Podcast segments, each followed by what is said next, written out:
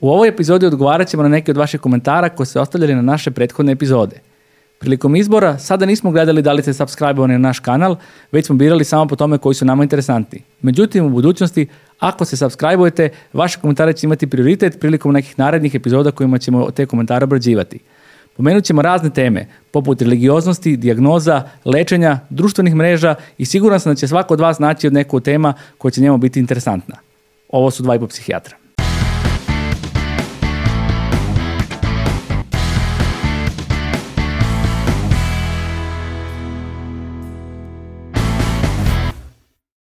Odličan podcast, svaka čast. Disocijacija čuva srce, možda isprintam ovo na majici. Uvek patologiziraju tu disocijaciju, doktorka kaže da je prirodna. Baš se pitam kakav bi život bio da je nema uopšte. Vodim dramske radionice, puno ste mi ideja dali o delu empatiji. Ovo inače i ekavicom napisano, izvinjam da. se. Ovo čitaju da. A ko je napisao komentar? Lemon cake. Lemon cake. Aha, hvala Lemon cake na, na komentaru. Ja, ja moram da se složim da disocijacija jeste jedna stvar koja se često patologizira i drago mi je da smo nekako taj neki mit razbili što se trudimo u ovom našem podcastu da je uradimo i generalno. Ma da, ja se sećam isto nekog primjera kako disocijacija nekad bukvalno spašava živote, što smo i tad pomenuli. Mm. Kad se pomenje, zamisli si na skijanju, na primjer, bila si skoro ovaj, na skijanju i sad, ako si ti uh, voziš i sad padneš i slomiš nogu, i sad ako su drugi ljudi tu, ti tebe će jako to da boli i ti ćeš da onda uh, zoveš u pomoć i pomoći ti. Međutim, ako si na nekoj divljoj stazi sama, Mm. onda bi desi se da disocijacija može da dovede do toga da ti ne, ne osjećaš bol uopšte da bi mogla da preživiš, da nekako odeš do mesta da možeš da pozoveš pomoć. Znači, eto, je mehanizam koji tekako ima svoje mesto i koji je nekad bukvalno spasonosan. Da, meni je interesantno kako se disocijacija dešava kod dece. Ja sam čitao jednu knjigu koja se zove, mislim da smo je već e, preporučivali ovde u podcastu, zove se Dečak koji je odgajan kao pas I u njemu je, u toj knjizi je opisana jedna devojčica koja je imala tu disocijativnu reakciju u trenutku kada je bila zlostavljana. I sad u, u tom trenutku ta devojčica u momentu zlostavljanja se nekako skupi um, i, i, i u tom trenutku joj se uspori rad srca, um, uspore se sve vitalne funkcije na neko određeno vreme i um, taj pisac uh, Bruce Perry koji je takođe i lekar koji se bavi ovaj traumama, govori, u prilo, govori o tome kako uh, disocijacija u stvari priprema telo za napad. Mm -hmm. I uh, ono što je potpuno suprotno uh, reakciji koju mi vrlo često zovemo fight or flight ili borba ili bekstvo, borba ili bekstvo da.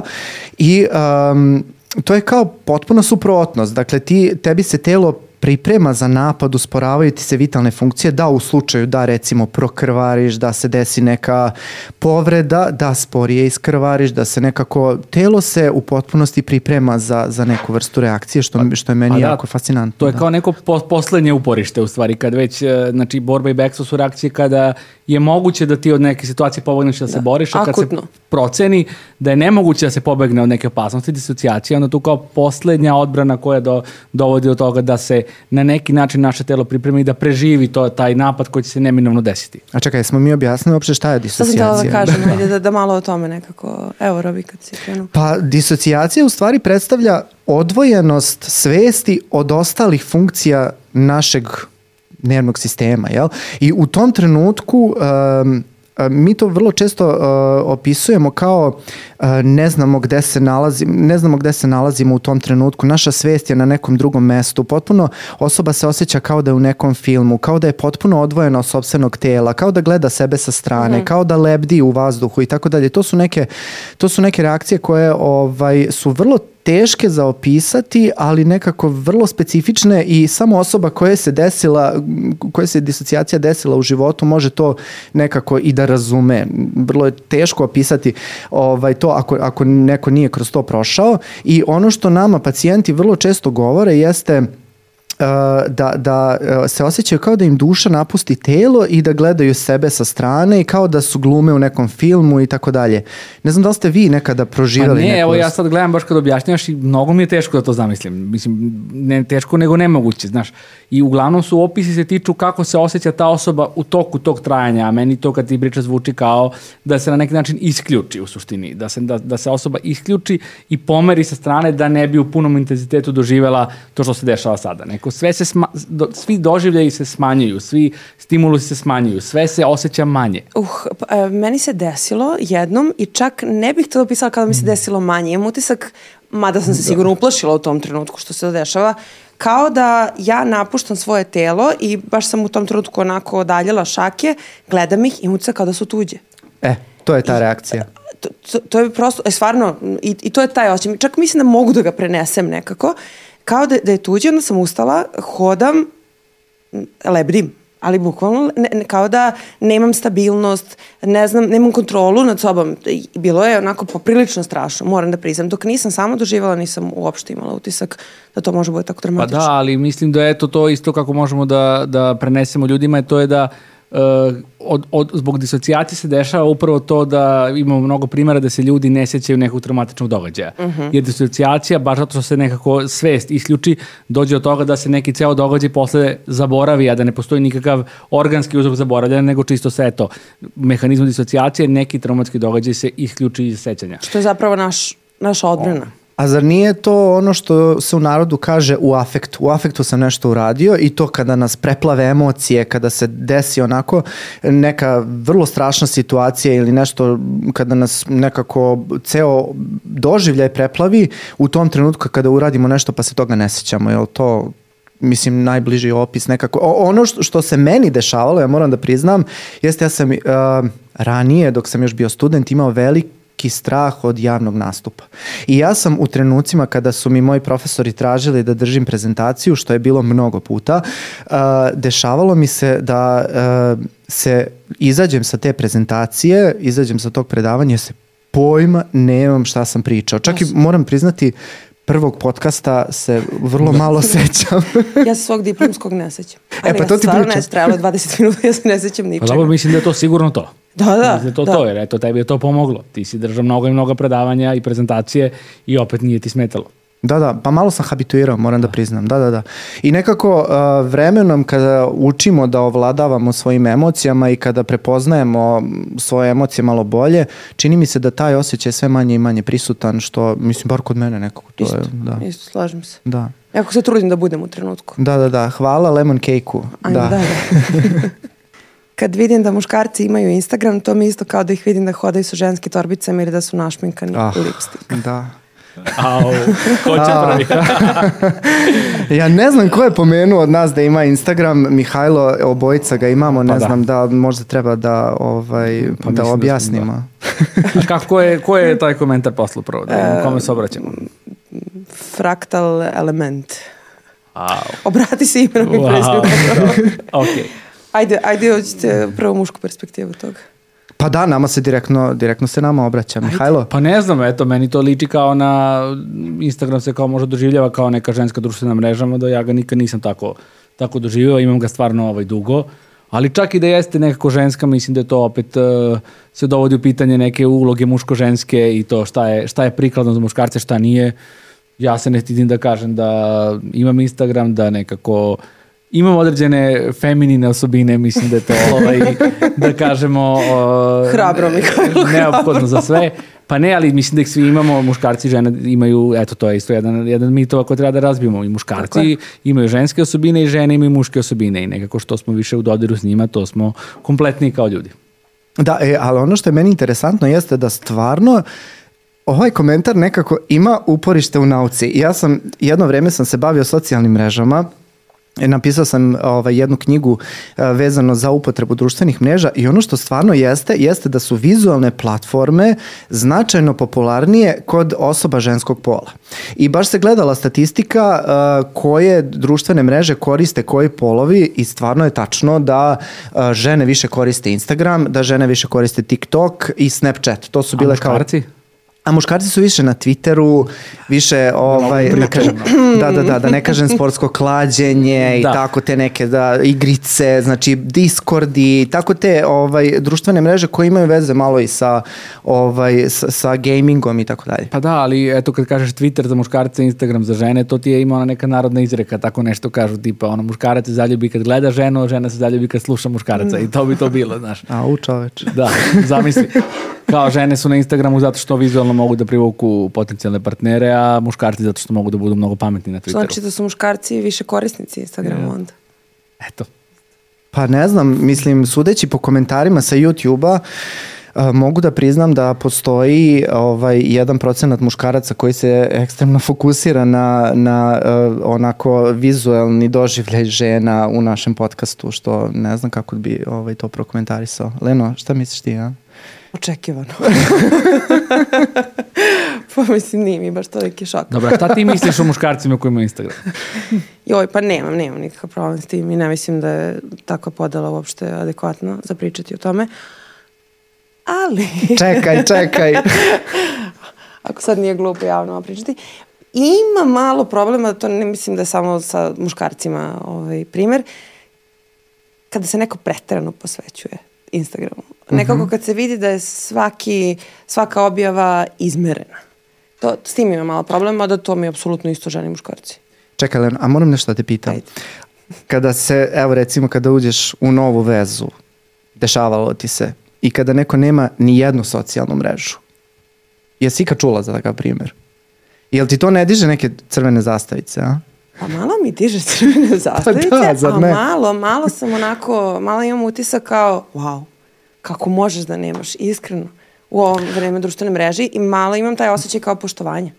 Pa dobro, a iz te neke filozofske, ne znam, pričam na pamet ali dobro, iz neke te filozofske perspektive kao, oh, kao wow, svaka ti čast što si mogao da se izoluješ na takav način, ali s druge strane nekako, zar ne deluje to malo onako u današnje vreme da nemaš ni jednu društvenu mrežu, to mislim, kako da ti kažem, u, u našoj populaciji, bar ja nekako što čujem iz, iz svoje okoline, eh, deluje malo kao red flag.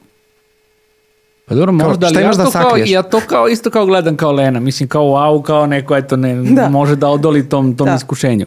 A dobro, da pitam samo, to mi, to mi nikad nije bilo jasno, kao, jel vi smatrate, na primjer, WhatsApp društvena mreža? Da li je to društvena mreža? Pošto se vidi da su neki nije, nego šta istraživanjima je? prijavlja, pojavlja meni kao. ne, a I moj meni lični ne, utisak i ne. meni ne. Jer to je opet neka platforma za ko- komunikaciju, za direktne poruke sa nekim. Za Ne znaš ti druženje. Da, ali ne možeš ti na Whatsappu da, da nekog novog nađeš i da uspostaviš kontakt s nekim kog ne poznaješ. Znači potrebno E, da to razmenite brojeve To telefona. jeste. Uh, uh, č, da, da, na Whatsappu da, ali na Viberu ima opcija. Ne znam, mene je kontaktirao. ne znam. A, Pa stvarno- imali su tvoj broj telefona. a ne mora da znači, ne, ima, ima neki search, majke mi. Aha. Probaj, probaj da ukucaš neko, ne znam, random ime i prezime i uh, može da se nešto nađe.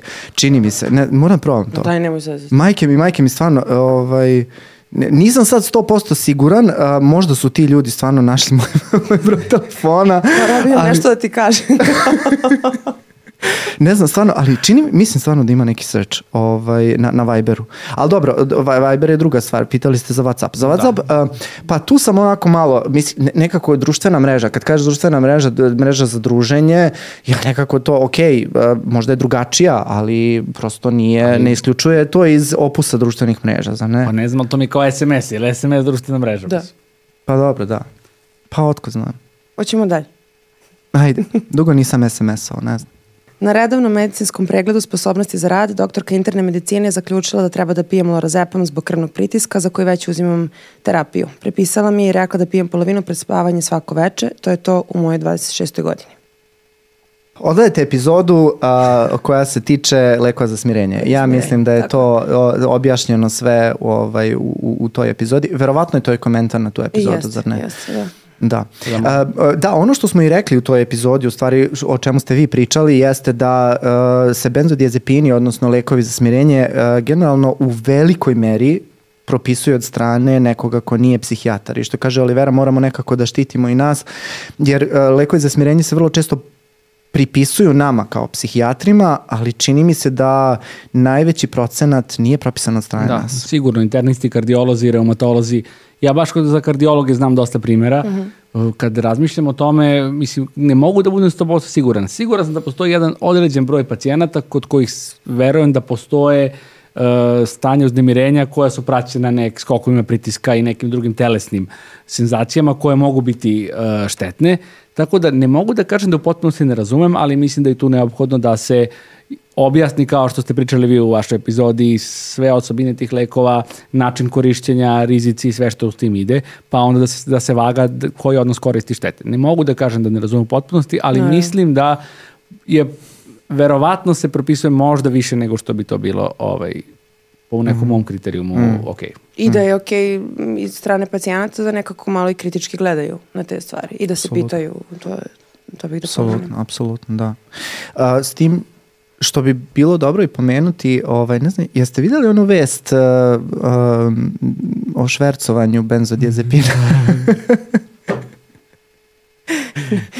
ja, ajde, ajde pročitaj prvo vest. Ajde. Čekaj, čekaj, ali pokušam da nađem Jao, kad smo već kod Vibera, uh, ljudi, molim vas da progo, uh, dok ja ne pronađem ovo, da prokomentarišemo Viber grupe to je neki fenomen koji se provlači u pop kulturi jako često. Ja mislim da nema osobe sada koja ovo sluša da ne može da se saoseća sa tim koliko Viber grupa mo, mo, može da bude jedan veliki pritisak u životu. Evo ja sad ne mogu da nađem od svih silnih grupa. Evo podcast. da, našu grupu koju smo spremali ovu epizodu, znači bilo ih je milion, evo pokušam da nađem. I Whatsapp grupe. E, pa da, to ja nekako rangiram po tome na koji su, na, ko, na koji su aplikacije komunikaciji po tome koliko smo i poželjni. Sad, pošto imam, znači ovako koristim, imam Telegram koji mi je omiljeni, ima Whatsapp i Viber. I znači Telegram uglavnom koriste Ta, nekako... Taj si tip, Telegram. Da, Telegram tip. Čekaj sad, samo sekund, šta to govori o Mihajlu? Leno, molim te reci mi.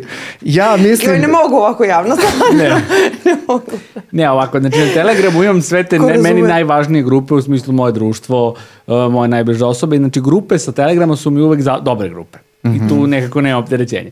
Grupe sa Whatsappa su tu negde, a Viber su najgore. Znači sa Viber uglavnom nešto vezano za posao, rodbina, ne znam, tako nešto i onda to Šta je... Šta je Mihajlu najgore? ne znam, ljudi, ovaj, ja nikad u životu nisam imao Telegram grupu. Mihajlo, ti si ovaj, sada uh, fenomenalan primjer da nam to da. objasniš zašto Telegram. Jel imaš Telegram? Nemam Telegram. Ja isto i nikad ga nisam imao. Pazi, ja sam Telegram nekako povezivao sa paranoidnim osobama. ja, i, pa sad sam rekla neću javno. Ono kad treba nešto se ne sazna, pa jeste, pa da. Telegram. Ja mislim da jeste pri, privlači veliki broj ljudi time. Ja sad ne razumem do, dovoljno to, ali kao ima nešto kao zaštićeni podaci, ne, mm -hmm. nije pod vlastičnom Facebooka, Marka Zuckerberga i ostalih lizard ljudi i slično. ovaj, ali mislim, meni se samo više sviđa nekako. Ima mnogo onih stikera dobrih, na primjer ima paket, paket stikera Freuda i šalješ Freuda. Ja, bilo moja mama likes radi this. estetike. znači, Telegram. Ne, moja mama likes this. To, znači, on, moram da je preporučim, onda ona mnogo voli stikere. Da. Um, da, evo pronašla sam vest u gomili Viber grupa. Dakle, Kaže ovako, preko 160.000 lekova za smirenje, a da nisam rekao, Carina Srbije objavila na Instagramu, 160.000 lekova za smirenje otkri, otkriveno je ispod tapacirunga jednog automobila, izvinjam se što smem, kojim su za vikend dvojica putnika iz Srbije krenuli put Nemačke. Kriza u Nemačkoj. Kriza. Nestašica benzodiazepina. Moram reći, ovaj, odličan biznis ideja. Koliko je truda bilo potrebno spakovati 160.000? Zamisli. Ne želim ni da zamislim. Kako je to izgledalo? Su, gde su spakovali te tablete? U šta su ih? Je li ima u vezi? Nećemo ja, da dajemo ideje za... ja moram da, da, ja, da, da li uopšte da ispričam ovu priču, ali uh, stvarno imao sam uh, pacijente koje, uh, dok sam bio na kruženju, na lečenju bolesti zavisnosti, su bili uh, zavisnici od upravo lekova za smirenje. Stvorili su zavisnost u jednom trenutku. Ono što je mene šokiralo jeste količina tableta koja je potrebna osobi da se osjeća isto kao da je popila prvu tabletu prvi put.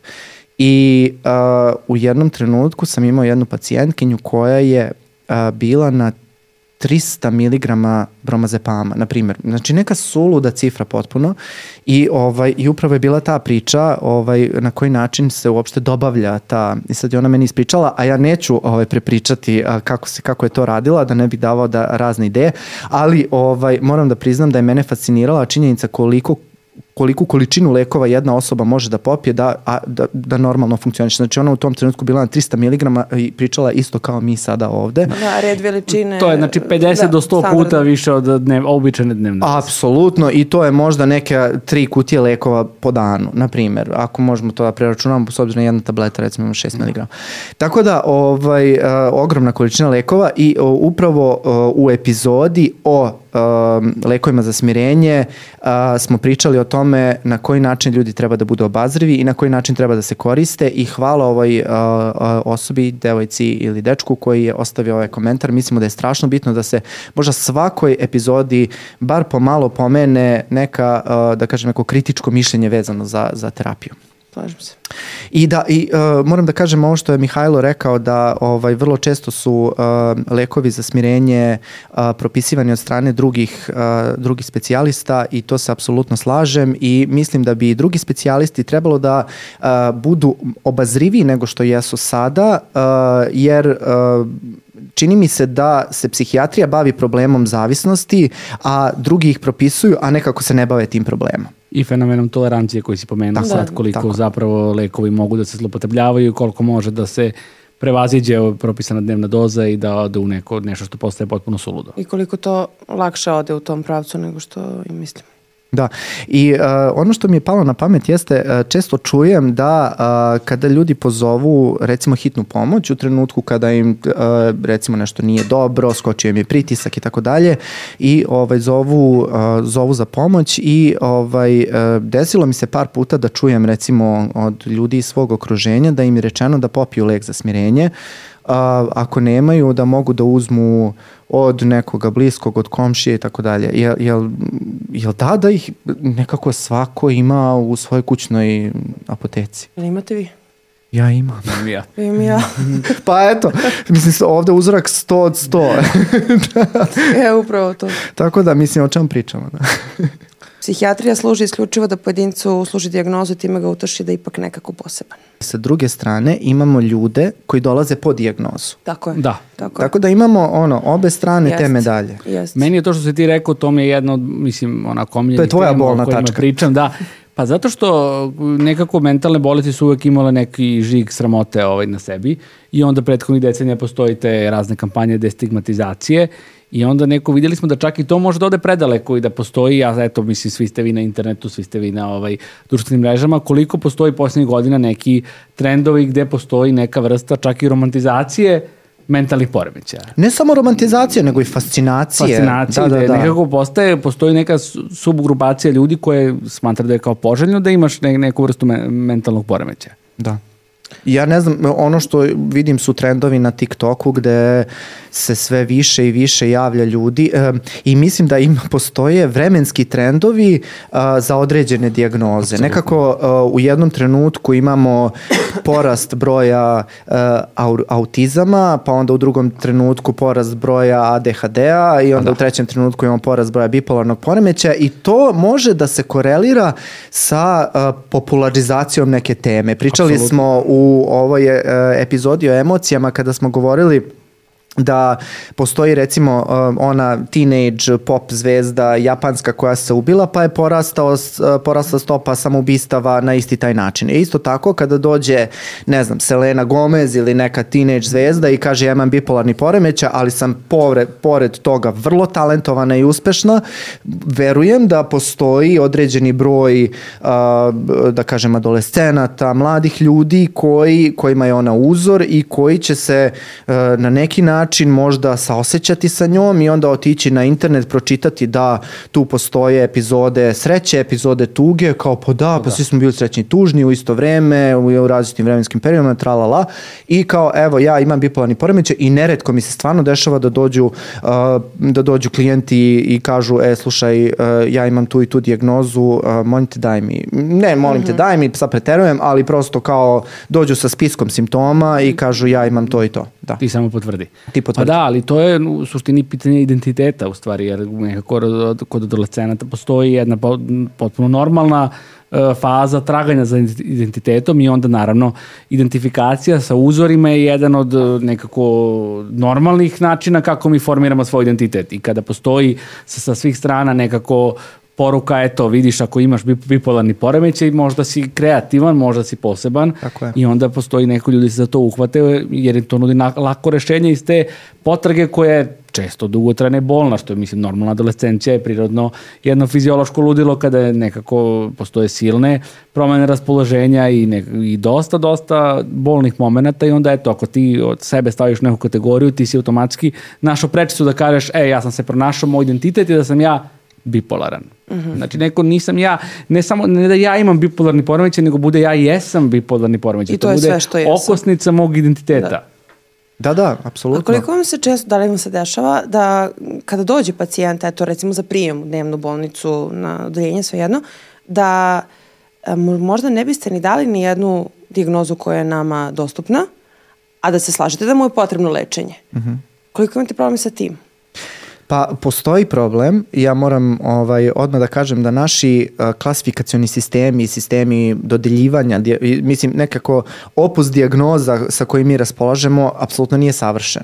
I uh, vrlo često dolazimo u te situacije da recimo ti vidiš da postoji adolescentna kriza ili da postoji neki omanji poremećaj Da, u poremećaj ponašanju, prilagođavanja. prilagođavanju na neku stresnu situaciju i tako dalje.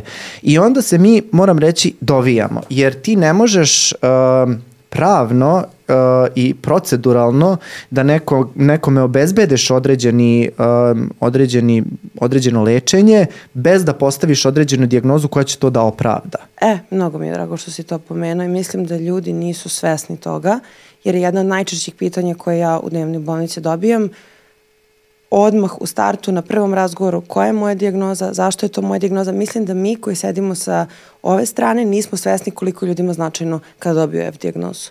Da, i mislim da treba uh, sa jedne strane da mi razumemo šta njima znači, ali i sa druge strane treba ljudi da znaju šta nama znači dijagnoza.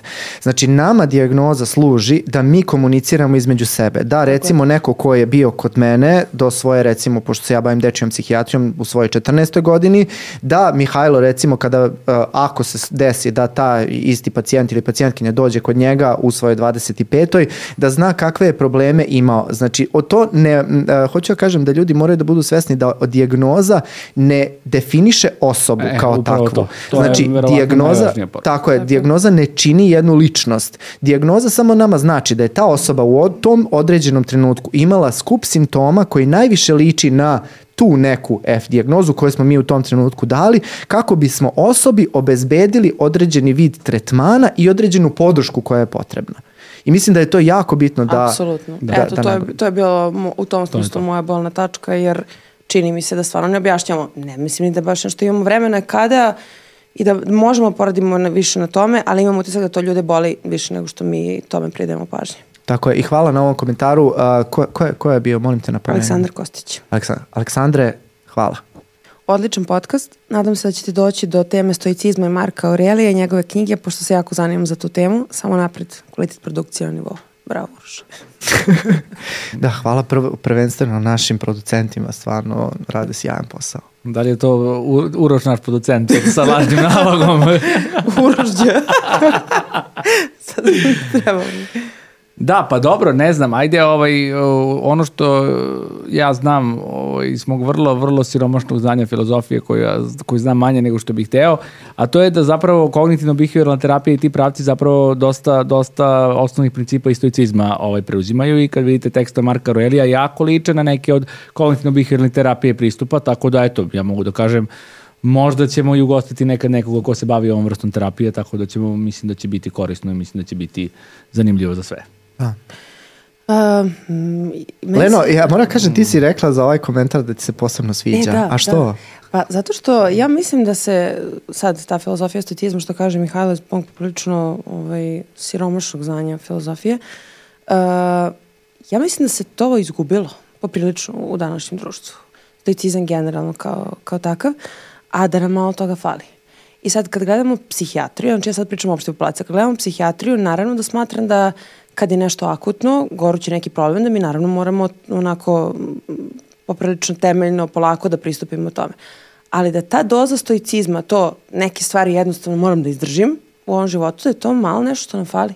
Ja mislim da to i meni fali i da smo svi sad malo nekako uh, pristajemo svi na to da o, je okej, želim da naglasim ovde da ja ne mislim da je, da, da je loše biti osetljiv ili da treba nekako da zanemarujemo sve te svoje tegobe, ali s druge strane za neke situacije u životu koje su realno normalne, da malo moramo da imamo tu dozu strogoće.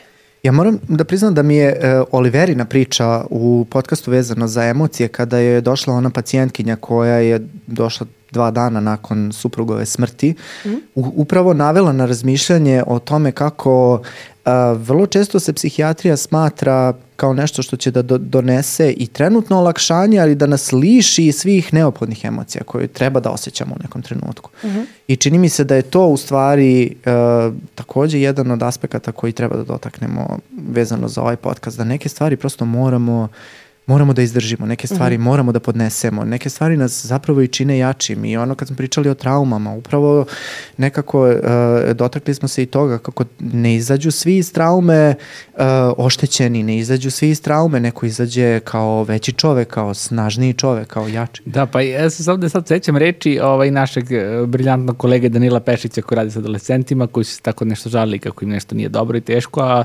pošto je to dnevna bolnica za adolescente, on im kaže pa dnevna bolnica, znači došli po dnevnu dozu bola kako biste se nekako razvili napredovali i otišli dalje. Sjaj.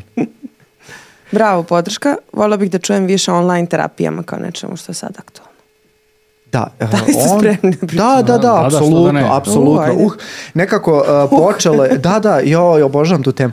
Um, u covidu smo nekako počeli da se bavimo tom takozvanom telepsihijatrijom i to je onako uh, Feniks koji se ovaj izrodio iz pepela ovaj u momentima covida kada je sve eksplodiralo na online nivou i u tom smislu i telepsihijatrija i moram priznati da mi uh, u stručnoj zajednici vrlo težimo ka tome da se da telepsihijatrija zaživi. Jer mislim da a, može da pomogne velikom broju ljudi koji nisu spremni a, da pređu veliki broj kilometara, da izađu iz sobstvenog doma, da nekako a, moramo da se naviknemo na to da smo mi opet neka uslužna delatnost, da mi služimo ljudima i treba da se prilagođavamo na njihove potrebe. I vrlo često ljudi imaju potrebu da iz, komfor, iz komfora sobstvenog doma dobiju neku određenu pomoć. Ja ne vidim ništa loše u tome. Imam kolege koji se s tim ne slažu, misle da je taj topli ljudski kontakt eh, koji je uživo zapravo nezamenjiv, s čim mogu da se složimo u nekim situacijama, ali prosto kada je situacija neizbežna, u nekim trenucima mislim da telepsihijatrija može da uradi čuda. Da, pa uh, ja se sad potpuno slažem s tobom. Uh, ja s jedne strane isto kao smatram kao da je, da je kontakt uživo u psihijatriji i u psihoterapiji generalno jako važan i da donosi mnogo.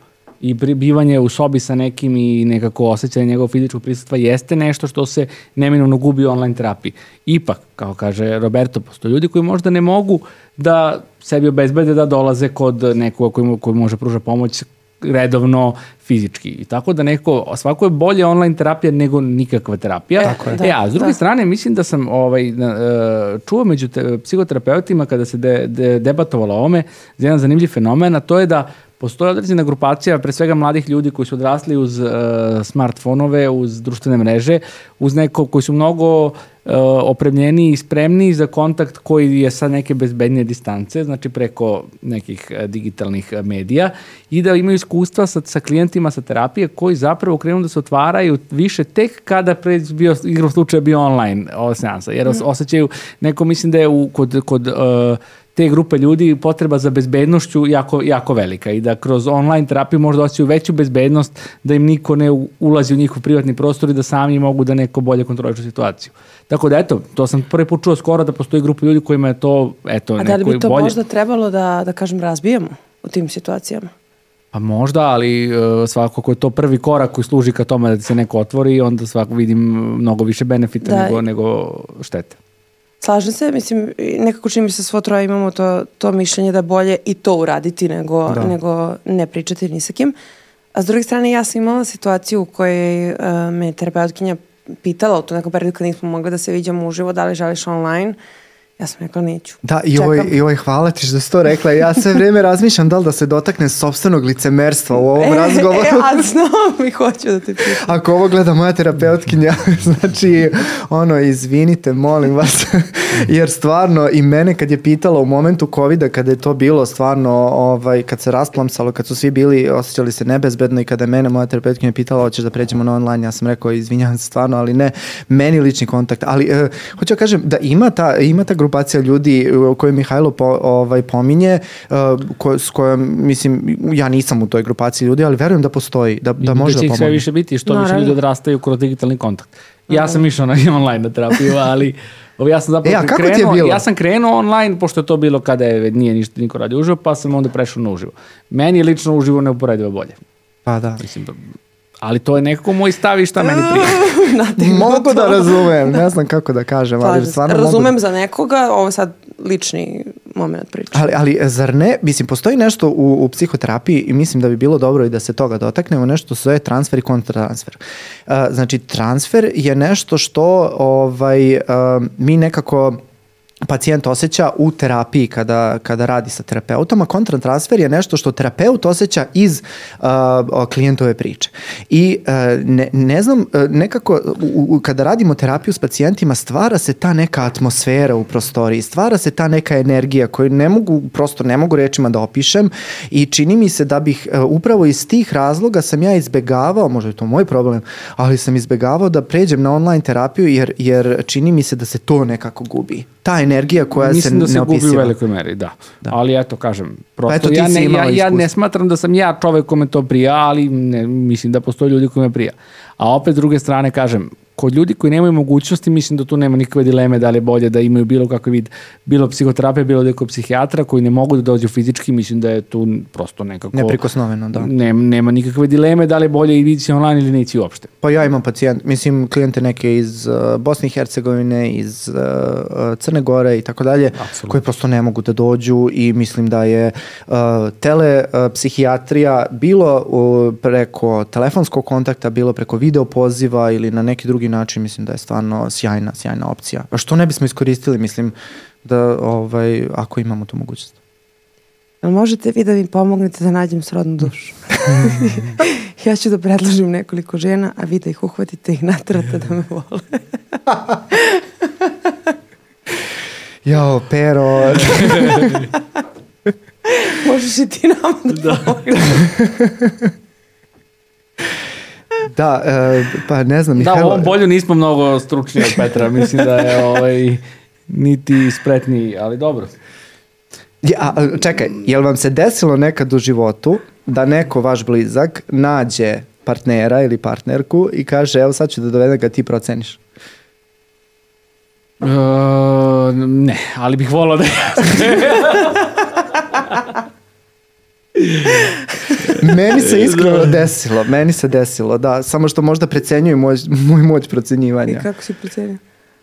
Pa kako da ti kažem, uh, jako je te- teško je kada ovaj evo recimo imao sam ovaj situaciju sa sa uh, sopstvenim uh, rođakom uh, koji sreća ne priča uh, ne priča srpski pa neće razumeti ovo što sada što sada pričamo da ga drukam pred narodnim masama, ali ovaj moram priznati da kada čujem neke određene stvari iz porodične i lične istorije određene osobe, to mi podiže određene red flagove koje ovaj um, ukoliko su mi ljudi vrlo dragi, moram da, da kažem da obrate pažnju na to. Naravno, nikad neću stati na put nečije sreće ako nekome ta osoba odgovara, tak, m, mislim. Ali prosto uh, za neke stvari mislim da treba da ukažemo ljudima da se obrati pažnja. Pa li mislite da treba? Mislim, jel bi ukazao svaki put? Ne bi svaki put. Ne bi svaki put. Dešavalo mi se da ukažem pa da izvučem deblji kraj. Zato Ča- čak i pre psihijatrije, moram priznam ono kad smo bili adolescenti. Pa da, uh, ali tu se uvijek pitaš, znaš, da li ti ukazuješ e, zato što si ti stvarno ubeđen da je to nešto što je važno ili zato što se tebi ta neka osoba ne dopada pa kao ne bi volao da tvoj prijatelj bude, bude sa nekom osobom koja se tebi ne dopada. Znaš, tvoje...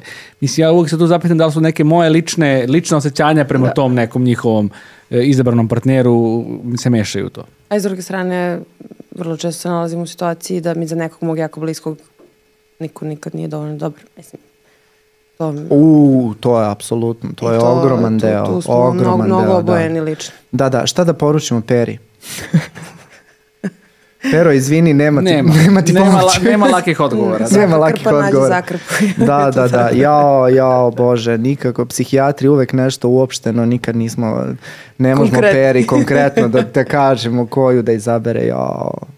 Možda kad bismo znali Ništa malo više detalja. ko je taj izbor žen, rekao da Pa da... to ti kažeš. Da, da, pošalji nam.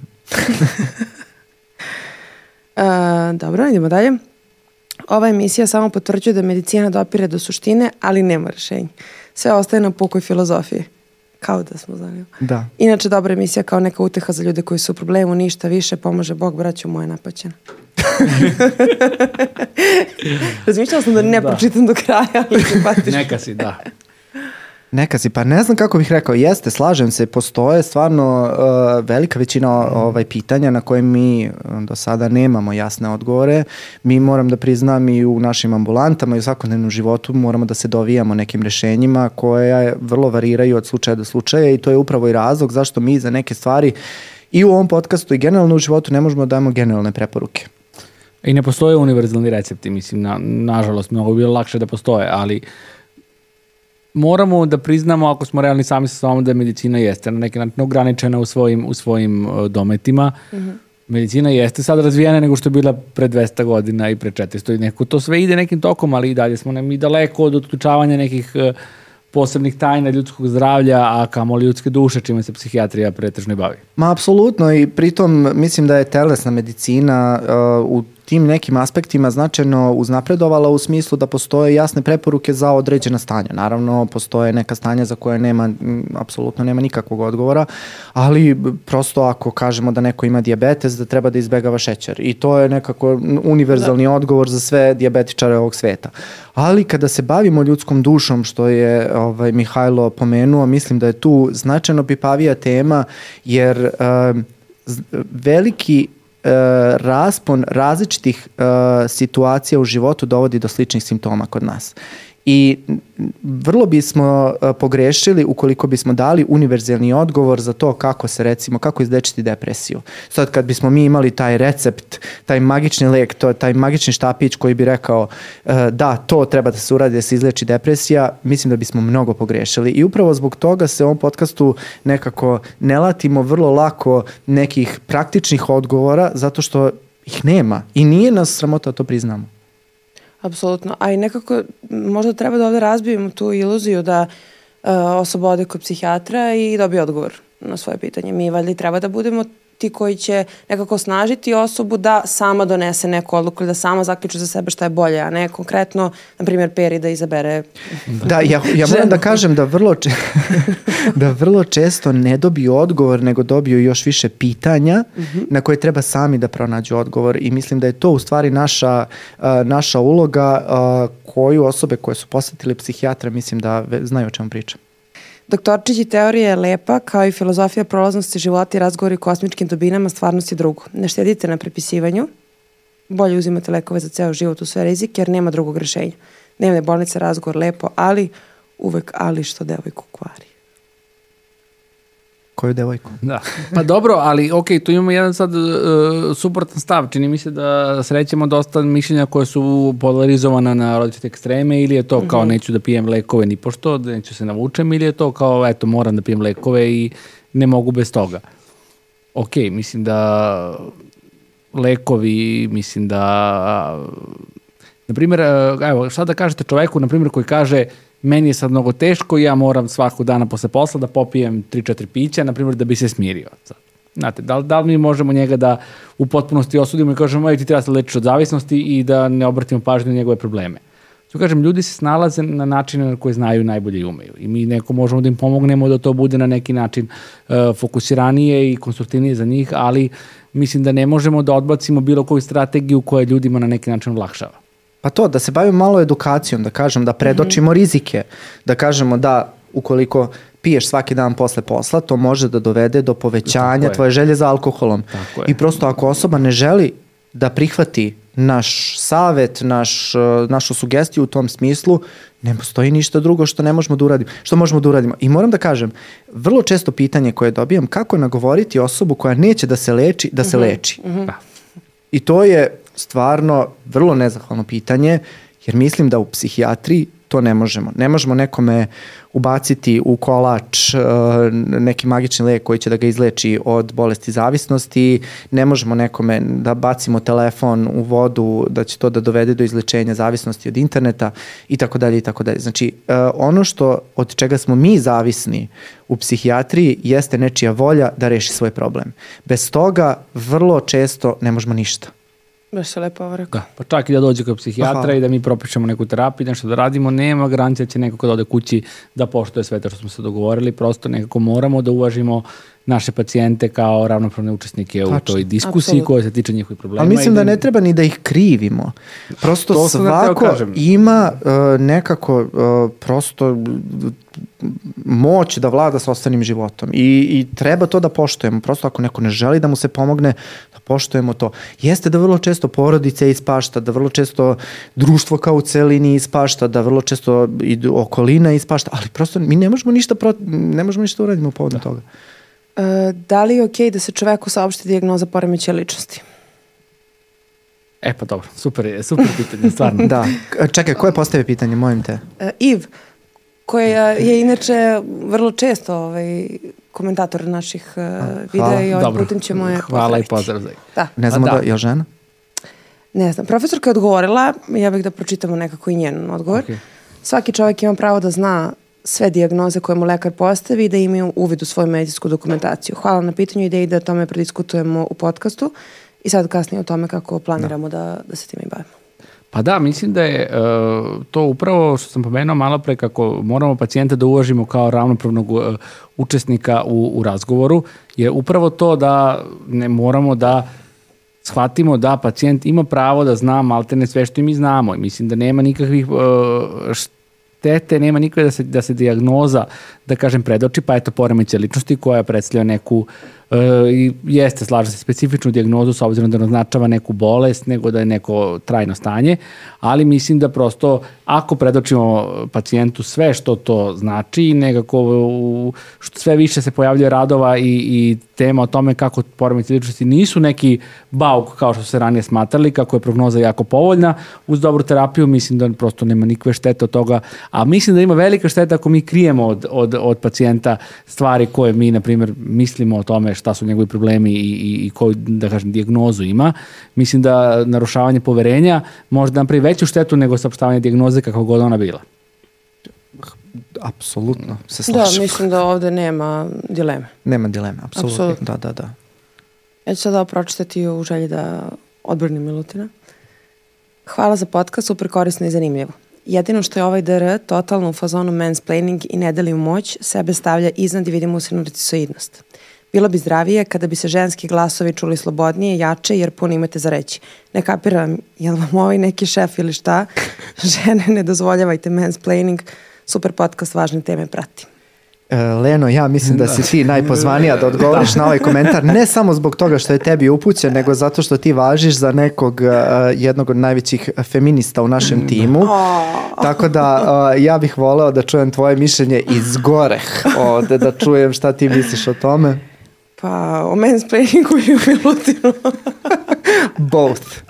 Oba. Ne, ja stvarno želim da kažem da je taj fenomen apsolutno prisutan i ume da bude onako poprilično frustrirajući i na dnevnom nivou što se mene tiče.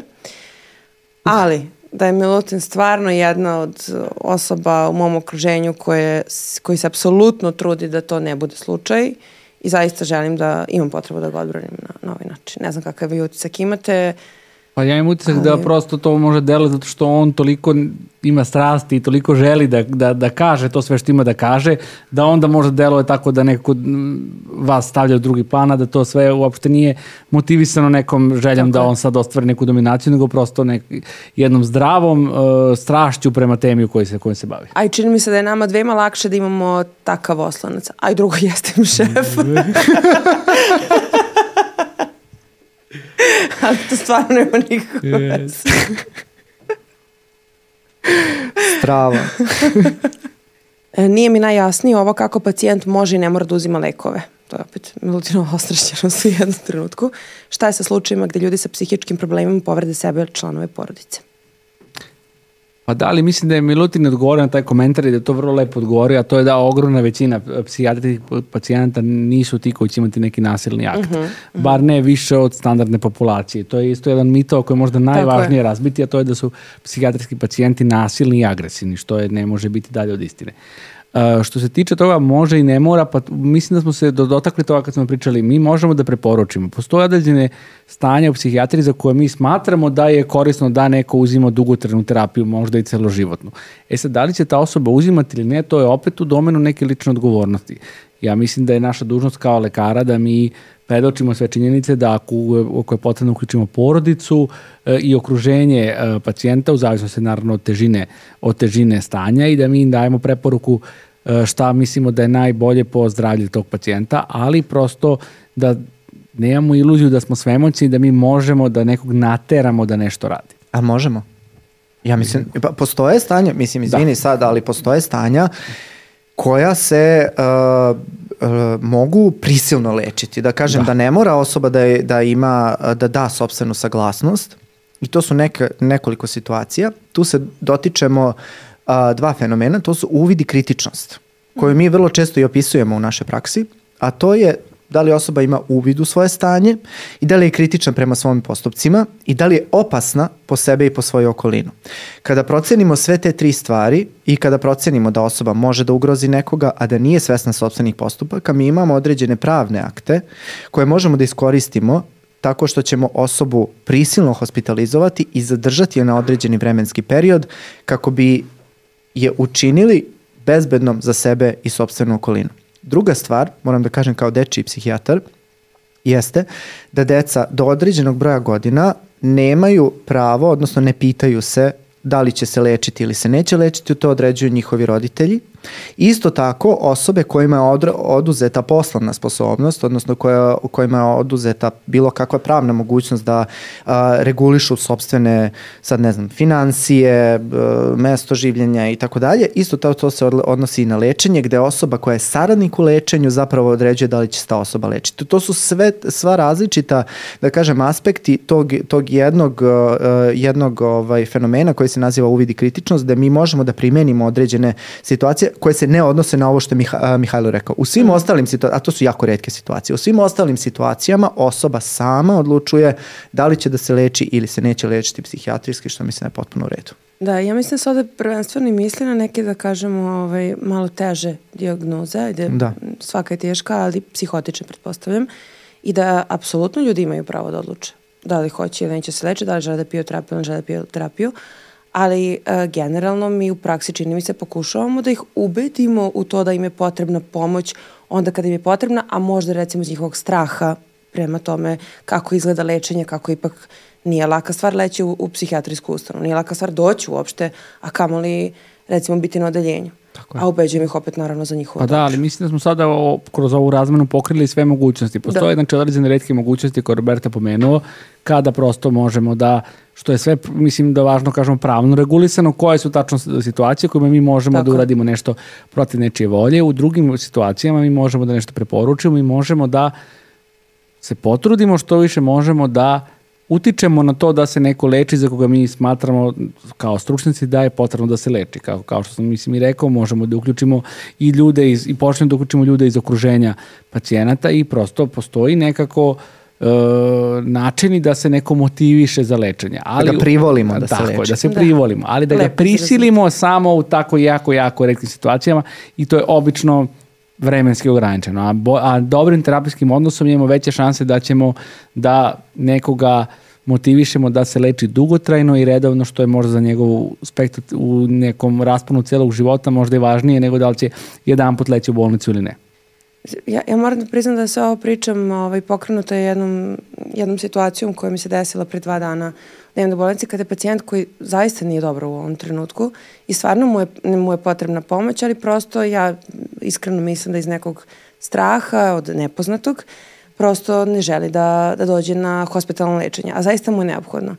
I bilo je potrebno jedno 45 minuta sigurno naše priče, ali upravo to što si ti rekao sad Mihajlo, kroz naše zbližavanje i njegovo uh, poverenje prema meni je tek to bio trenutak kada je on rekao ok, ajde da probamo, pa da vidimo u svakom trenutku mogu da prestanem, ali nekako čini mi se, meni je bar taj trenutak bio onako, jako lep, moram da priznam. Leno, apsolutno se sa tobom saosećam. Da li mislite da i jedno dete želi da dođe kod psihijatra? E, baš to, Mislim, baš to. kako da vam kažem, dnevno do, uh, pa jedno 70% pacijenata ko, koje ja viđam u svojoj ambulanti prosto ne žele da pričaju s tobom. Ti si samo još jedna od karika sistema sa kojom ta, uh, to dete ne želi da ima nikakav kontakt. I baš je čest problem. Realno, Apsolutno. to je, to je baš deo svakodnevnice. Apsolutno. I možeš da zamisliš samo tehnike kojima se mi dovijamo, da privolimo to dete da, da zapravo prihvati lečenje, odnosno ne lečenje, mislim da prihvati uopšte da priča s tobom. Da. Kako da ti kažem, nije samo, nije ni sve u lečenju,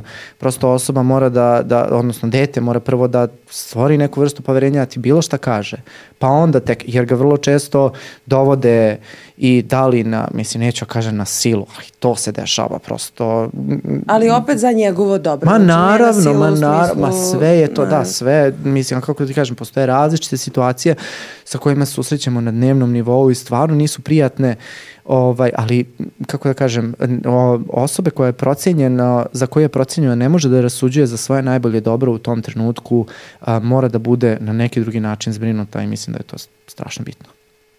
I mnogo da budemo oprezani sa tim, ne može da procenjuje u tom trenutku. I to je nešto Apsolutno. što I je- to je i ono što je jako bitno jeste da je to zakonski kod nas u državi jako lepo regulisano. Znači vrlo striktno, vrlo uske su indikacije za takav vid lečenja. Vrlo je, što kaže Mihajlo, vremenski to usko ograničeno. Znači ne postoji sada nikakva pravna norma da ti nekoga doživotno zadržiš osim u zatvorskoj bolnici, ovaj da ga zadržiš na nekom na nekom vidu lečenja, da to ne bude da to bude protiv nečije volje. Znači to mora no, vrlo i to mi je jako drago što živim u takvoj zemlji, postoje zemlje u kojima to nije tako regulisano, ali u našoj zemlji kakvi god da su zakoni, kako god da je pravni sistem i tako dalje, ovaj aspekt je vrlo dobro regulisan što mi je jako drago. Tko je polovica psihijatra?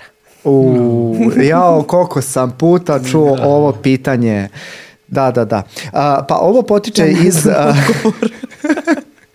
ovo potiče iz ovaj našeg imena ko nije shvatio u stvari poent ovog pitanja. Dakle, Uh, u suštini mi smo ovaj došli na, na ideju, odnosno ovaj Olivera je došla na ideju ovog imena i na ovom na tome je mnogo hvala, mislim da je jako lepo. Uh, jako dobro ime za, za naš podcast, Catchy, dakle catchy. catchy, da. Uh, uh, u stvari uh, ideja za dva i po psihijatra je došla ovaj nekako spontano uh, gde je pr prvenstveno ideja bila da u podcastu učestvuju dve osobe koje su kompletirani psihijatri, šta to znači, koji su završili specijalizaciju psihijatrije i jedna mlada osoba uh, koja je, neću kažem da oni drugi nisu mladi, nego mlađa od njih koja je na specijalizaciji iz psihijatrije koju mi gledamo kao uslovno rečeno pola psihijatra, odnosno na pola, što je Mihajlo lepo rekao, na pola puta da postane psihijatar. I u stvari odatle je počelo ime. Sad što smo mi tu krenuli da se mešamo i da ovaj pravimo različite kombinacije, to je sad malo jel, diskutabilno ko je sad polovica u svakom ovaj podcastu, ovde trenutno niko, ali svi i niko, ali ovaj da, mislim da je ovaj mislim da je generalno uh, cool ime. Ovde smo dva cijela psihijatra. Evo, Radi Sve ukupno, naše- da. Sve ukupno dva Tri cijela. čoveka, dva psihijatra. Šta je, smešno je? Da li ste vi ateistički psihijatri? Ah, Ko će prvi? Ha, Ajde ti sad, Lena, prva, pošto smo uglavnom mi počinjali, ti si pa završala. ja nisam ateistički psihijatar. A šta o uopšte pitanju? smatraš? Da, šta Da. Je, u kom, kako je to povezano i zašto je to važno? Pa nisam znači da samo komentare koji su važni. to je prvo. Pa ne znam zašto je važno, vjerojatno on čovjek koji pita je važno, a u kontekstu ja sam bar ovo shvatila kao da li sam vernik. Aha. Da, zašto je važno za psihijatra da li je vernik?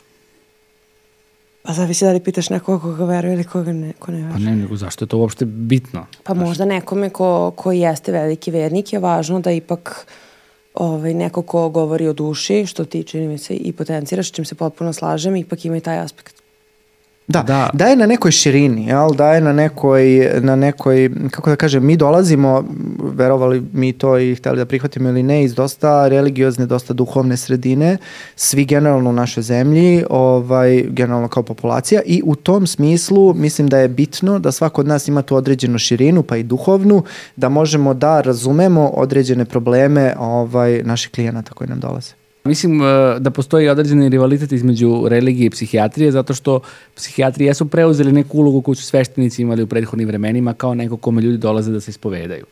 I to je, mislim, e, da ne, ne uviđati tu, tu vezu bi bilo nekako usko gledanje stvari. Što se mene tiče, ja ne, ne mogu da kažem baš da sam ovaj, uh, ateistički, ali ni- nisam, nisam, nisam nešto pretredno religiozan. Nekako tu se negde na granici ovaj, lomim, ali mislim da na kraju krajeva nije ni važno koliko je neko, uh, kako je neko opredeljen, ukoliko je sposoban da prihvati stav onog koje sedi preko puta njega sa poštovanjem i sa razumevanjem. Mislim da je ovaj, da je važno da, da se prosto, eto ja osjećam da ja mogu da razgovaram o nekim uh, životnim pitanjima, dubokim, i sa nekim ko je religiozan i sa nekim ko je tvrdi ateista, tako da. Meni je strašno drago što smo se mi dotakli ove teme upravo iz razloga što sam se malo i uh, istraživački bavio ovom temom.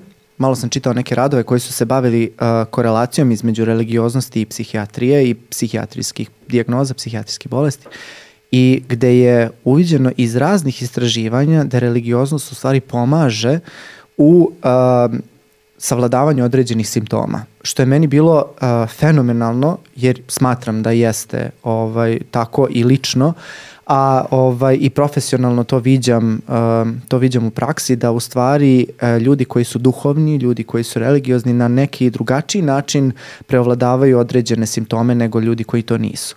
I upravo um, ali postoji druga stvar druga strana te medalje gde religioznost može da postane preterana i gde religioznost može da, da, se, da ode u neku vrstu sumanutosti, da kažem postoji nešto što se u psihijatriji naziva sumanute religiozne ideje, gde preterana religioznost koja obuzima čoveka, koja obuzima njegovu svakodnevnicu, koja do, od, odlazi, pre, prevazilazi neke, da kažem, granice realnosti koje smo mi postavili kao takve, u stvari dovodi ovaj, do, do psihotičnog ponašanja i psihotičnog reagovanja i mislim da je to bitno da pomenemo. Prosto nije ni svaka religioznost zdrava, ni svaka duhovnost nije zdrava. Tako da mislim da je bitno razumeti i jednu i drugu stranu, ali mislim da je strašno bitna za osobu, jer osoba kada izgubi duhovnost, mislim, a pogotovo po prirodi je duhovna i religiozna, mislim da izgubi veliki deo sebe. E, pa da, apsolutno. Ja mislim da je upravo to je e, suština da nekako moramo da uvažimo stavove koje nam, koje nam čovek koji sedi preko puta nas donese. I sad, evo, ako uzmem za primjer, ako ja imam sada pacijenta ili klijenta, kako god, koji prosto uh, veruje u koncept raja i pakla i koji je izgubio neku blisku osobu i koji ima utisak da će, to je verovanje da će je sa tom osobom ponovo sresti u životu posle smrti, čak i ako ja nužno ne verujem u to, ko sam ja da mu to oduzmem, mislim i ko sam ja da uopšte postavljam pitanje toga kao u validnosti njegovog uverenja, jer moje uverenje je podjednako dobro kao njegovo, ne, ne postoji ništa što mene čini kvalifikovanim da govorim o tome šta se dešava posle smrti, s obzirom da to niko od nas ne zna. I ja bih sad pomenuo jedan primjer koji je meni strašno ovaj, dirljiv i interesantan, a to je od Irvina Jaloma, koji je možda, mislim, najveći živi psihoterapeut koji da je, mislim, je onako objavio dosta knjiga koji ima na jedan vrlo pitak način ljudima dočarao psihoterapiju, koji je onako tokom celog života bio prilično onako čvrsti ateista i tvrdi, koji je nakon par godina, nakon smrti njegove žene, kojom je bio u braku preko 60 godina, e, sam neko smogao hrabrosti da podeli sa, sa čitaocima svojim to da je on tada tek uvideo snagu i moć tih verovanja kada je počeo da zamišlja kako je bilo to kada bi svoju suprugu ponovo sreo nakon, nakon smrti. Znači preporuka za knjigu, evo, odmah u startu. Kako se zove beše Da. knjiga? Irvin Jalom pisao sa svojom ženom, jel tako? Na to misliš? Jeste, a e, knjiga se zove, ja sad ne mogu da se setim, ali naći ću. Naći ćemo u toku, da, pa ćemo reći. Šta je važno života. na kraju? Da, šta je važno knjiga. na kraju? Ili je Matter of Life and Da. Death, to da. Stojeći aplaudiram dugo. Milutin. I ono što ne znamo, ne znamo sve. Evo, ako vam treba jedan za detaljnu analizu da se ogoli pred svima, a prvo vama sa zadovoljstvom na raspolaganju. Meni je ovo baš lep komentar. A jeste, a jeste. da priznam. Hvala, Baš hvala lepo. stvarno. Super, oduševljena sam temom i šta sam kroz vaš razgovor naučila. Baš me interesuje da li je to meni posle oca, smrti oca nenormalno. Mnogo sam čitala knjige, posle nekih godinu dana sam stala sa tim i dugo nisam mogla da uzmem knjigu u ruke. Da li je to bila neka vrsta terapije? Takođe, pošto sam inženjer, kada dođe do nekog zasićenja poslom ili neke stresne situacije, u meni proradi kreativnost, da li je to neki odbrbeni mehanizam kao ventil? U, pa dobro, ovo je baš nekako kvalitetan komentar, a i Jeste. više slojan i, i mislim da nije baš lako da ga, da ga sad ovde obradimo. Mislim, to su dve, čini mi se, postoje dve odvojene stvari, a to je ta neka i reakcija na gubitak i ta zasićenost poslom. Što se tiče te reakcije na gubitak, mislim da je to, ovaj, mislim, ja nekako sad odavde mogu da pretpostavim neke mehanizme kojima bi nekako prestanak da radimo stvari koje smo inače radili, nam stvorio neku predstavu da je, da je ovaj, sve stalo i da ništa ne ide dalje opet nekako mislim mene jako jako se dopada način na koji je opisano ja bih neko volao da razgovaram sa ovom osobom da malo više saznam o ovome. A što se tiče tog zasjećenja poslom i potrebe da se radi nešto kreativno mislim da je to jedna univerzalna ljudska potreba posebno ako je posao neki ko je takav eh, da kažem da ne dozvoljava mnogo kreativnosti koju svi mi imamo i koje, koje svi mi želimo da izrazimo na neki način. Mislim da je to prilično normalna pojava i ja bih ohrabrio da se nekako Apsolutno. ljudi Pa nije slobodno samo to, kako, kreativnim. pa kako ja, da ti čak kažem, ne znam da li je to obrambeni mehanizam. Mislim, da, da li bi ne ga mislim da svrstao je to samo prosto reakcija. nekako ljudska potreba normalno Da, Da. da, da, da. Ne moramo sve da psihijatrizujemo, kažemo odbrambeni mehanizam je sve. Pa nije ni sve odbrambeni mehanizam, nešto je prosto ljudska potreba. A, a, a, samo bi se dotakao do toga, a, meni je svakome je različita asocijacija zazvonila u glavi, meni je zazvonila to da li je ovo neki vid terapije. A, jeste, Jeste, postoji nešto što se zove biblioterapija, postoji nešto što se zove art terapija, film terapija, odnosno cinematerapija, kako je amerikanci zovu. To su različiti vidovi terapije koje mi premenjujemo i dan danas i mislim da je e, jako bitno kod ljudi posticati kreativnost i kreativnost je nešto što u stvari može da, kao i religioznost o kojoj smo malo prepričali, dovodi do toga da ljudi se izbore sa nekim problemima mnogo, mnogo lakše, zaokupe misli, preusmeri ih na neku drugu stranu, nauče nešto novo, razni, razni aspekti, ovaj, razni aspekti ove videoterapije. Da. Da, super. Meni je asocijacija bila da, da mi je malo čak žao što vrlo često zanemarujemo tu stranu kreativnosti i što mora se desi prezasićenje poslom, koji je, eto u ovom slučaju žena, žena inženjer, da bih izrazio tu svoju stranu. A čini mi se da možda, ne znam, ali možda da ako bismo se nekako trudili da u svakodnevnoj praksi uvedemo to da imamo i te druge, druge delove eto, kreativnosti u životu, da možda onda ne bi dolazilo do tih nekih prezasićenja. Pa ne znam, mene ovaj podcast spašava, iskreno da vam kažem. Mislim da je ovo strašno kreativ, kreativan posao. Pa. Mi stalno imamo neke ono nove ideje, nove ovaj, zamisli koje ispunjavamo, tako da mislim da ovaj, da, i ovo je neki vid kreativnosti, ja? Ja se slažem. Pa da, pa da. Možete li obraditi temu socijalne anksioznosti, izbjegavajući poremeća ličnosti? Kako se prepoznaje, leči, prevazilazi? Takođe, kako održavati mentalno zdravlje, fizička aktivnost, higijena sna i slični praktični saveti. Vrlo su popularne meditacije danas, pa i mindfulness koje psiholozi preporučuju. Možete li se njih dotaći da li i koje preporučujete? Kako graditi samopouzdanje na zdrav način i samoosećanje, kako uočiti narcise, antisocijalne osobe, to je takvo ponašanje, kako se prema njima postaviti. Mislim da su sve to teme koje će zanimati širok auditorijum. Jo, hvala. Kako se zove? Max, Max. Max, E, pa Max, hvala. Pa dobro, Max, ali Max. obradovat ćemo je, ili ako ga, ne znam, ovaj, neko se ja zamislio da je žensko, da li smo Max, i Stranger Things, ali dobro. Da, i meni je Ok. palo na pamet. A, uglavnom, a, mislim, obradovat ćemo zato što su, bukvalno su sve ove teme koje smo Mhm. mi planirali da obradimo i posto bit će tema poremeća ličnosti, bit će tema o anksioznosti. anksioznosti, bit će tema i o, ovaj, to jest epizoda i o e, narcizmu i psihopatiji, tako da mislim da su da je sve to nešto što ćemo mi detaljno obraditi, ja mislim da je prosto nezahvalno da sada pričamo bilo koji tih tema jer su stvarno jako kompleksne i široke i da ne možemo sada nešto mnogo da, da doprinesemo. Da, da, ali eto, bit će. hvala, ovo su vrlo konstruktivne, ovaj, konstruktivne teme, mislim da je bitno da se svake od njih po osob dotaknemo po jedno dobri sat vremena.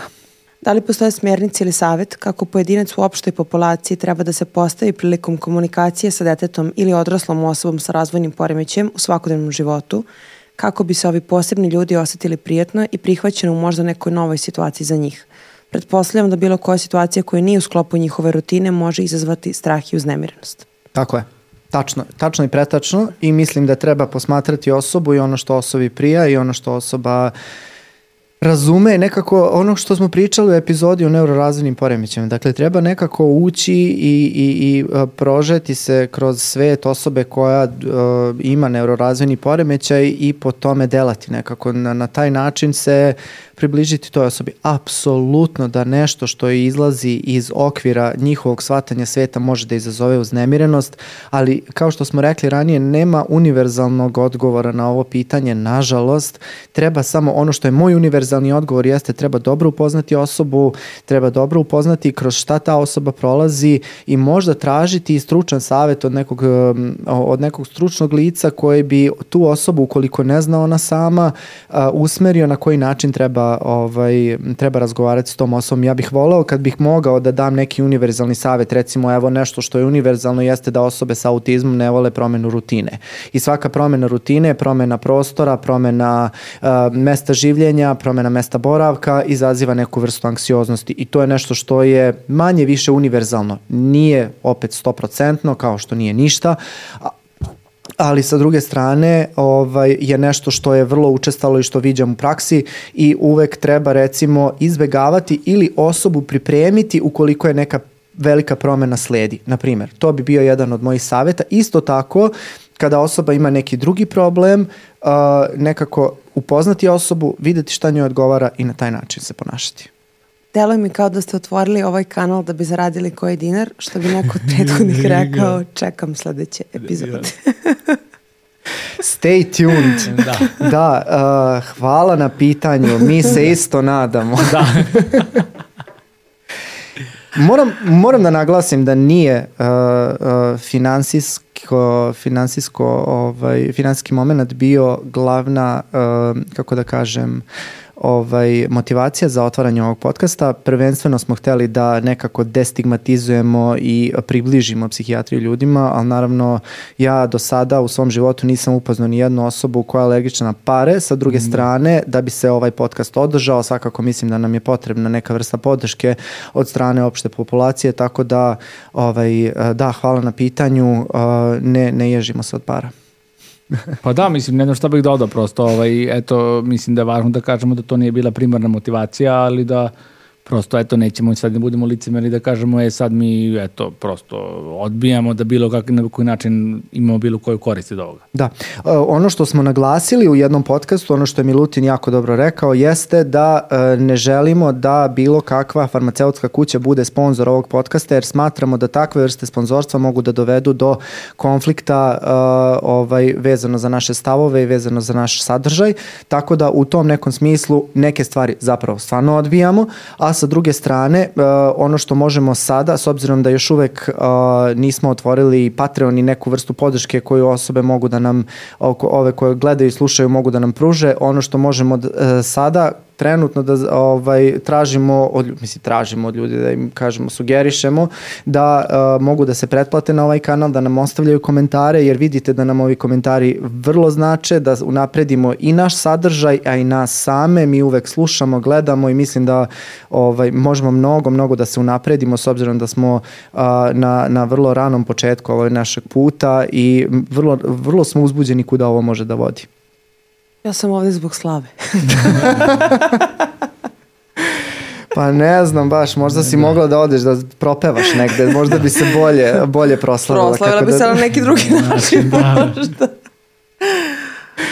Super, ali uh, ja moram da vas pitam, evo sad nevezano za, mislim vezano i nevezano, nećemo više se bavimo komentarima, ove, mislim da smo ih dosta izlistali, a uh, kako na vas utiču komentari koje pročitate? Jel uopšte čitate komentare? Evo ja sam sad rekao, e, mi čitamo komentare misleći na sebe, ali nisam vas pitao nikad da li čitate vi komentare. Pa da. Da, mislim sigurno da ulazim u naše epizode i čitam komentare s vremena na vreme, proverim šta ima novo. Uh, Uh, mislim da se često nasmejem čitajući komentare, da su ovaj, dosta njih zabavni i eto, mislim da su ipak pretežno bili pozitivni i to me ohrabruje mislim da eto, ove, ovo o čemu smo pričali danas jesu stvari koje se tiču uh, nekih psihijatrijskih tema koje eto, prosto, mislim, ovaj vid komunikacije nam omogućava da prosto se približimo tome šta slušalcima treba i ko, koje odgovore možda možemo da im pružimo. Da, i ono što je super jeste da smo videli da ljudima zapravo, preko komentara smo videli da ljudima ove teme trebaju, da ih zanimaju i da od nas samo traže dodatne teme da obradimo, što nas jako raduje i mislim da ćemo uh, onako u budućnosti koja nas čeka obraditi mnoge, mnoge teme koje mislim da su uh, dosta nepoznate, nekako misteriozne i da, da, da ćemo raditi na tome da to demistifikujemo. Pa da, mene raduje što mnogi od komentara se u stvari tiču nekih tema koje smo mi već i, i planirali da radimo, tako da eto, čini mi se da jesmo na nekoj istoj talasnoj dužini kao dosta naših da. slušalaca i eto, pozvao bih i da se strpe malo i da se nadaju da će biti dovoljno dobro odgovoreno na njihova pitanja. I da nastavljaju sa komentarima. Da. Da, i da ako očekuju da će se nešto desiti, da moraju da se subscribe-uju, imaju ono zvonce. Zvonce mm, govori u prilog tome da ti stigne notifikacija kada mi izbacimo novu epizodu koja će sasvim sigurno biti genijalna kao i svaka prethodna, tako da siguran sam da će od jednog subscribe-a mnogo dobiti.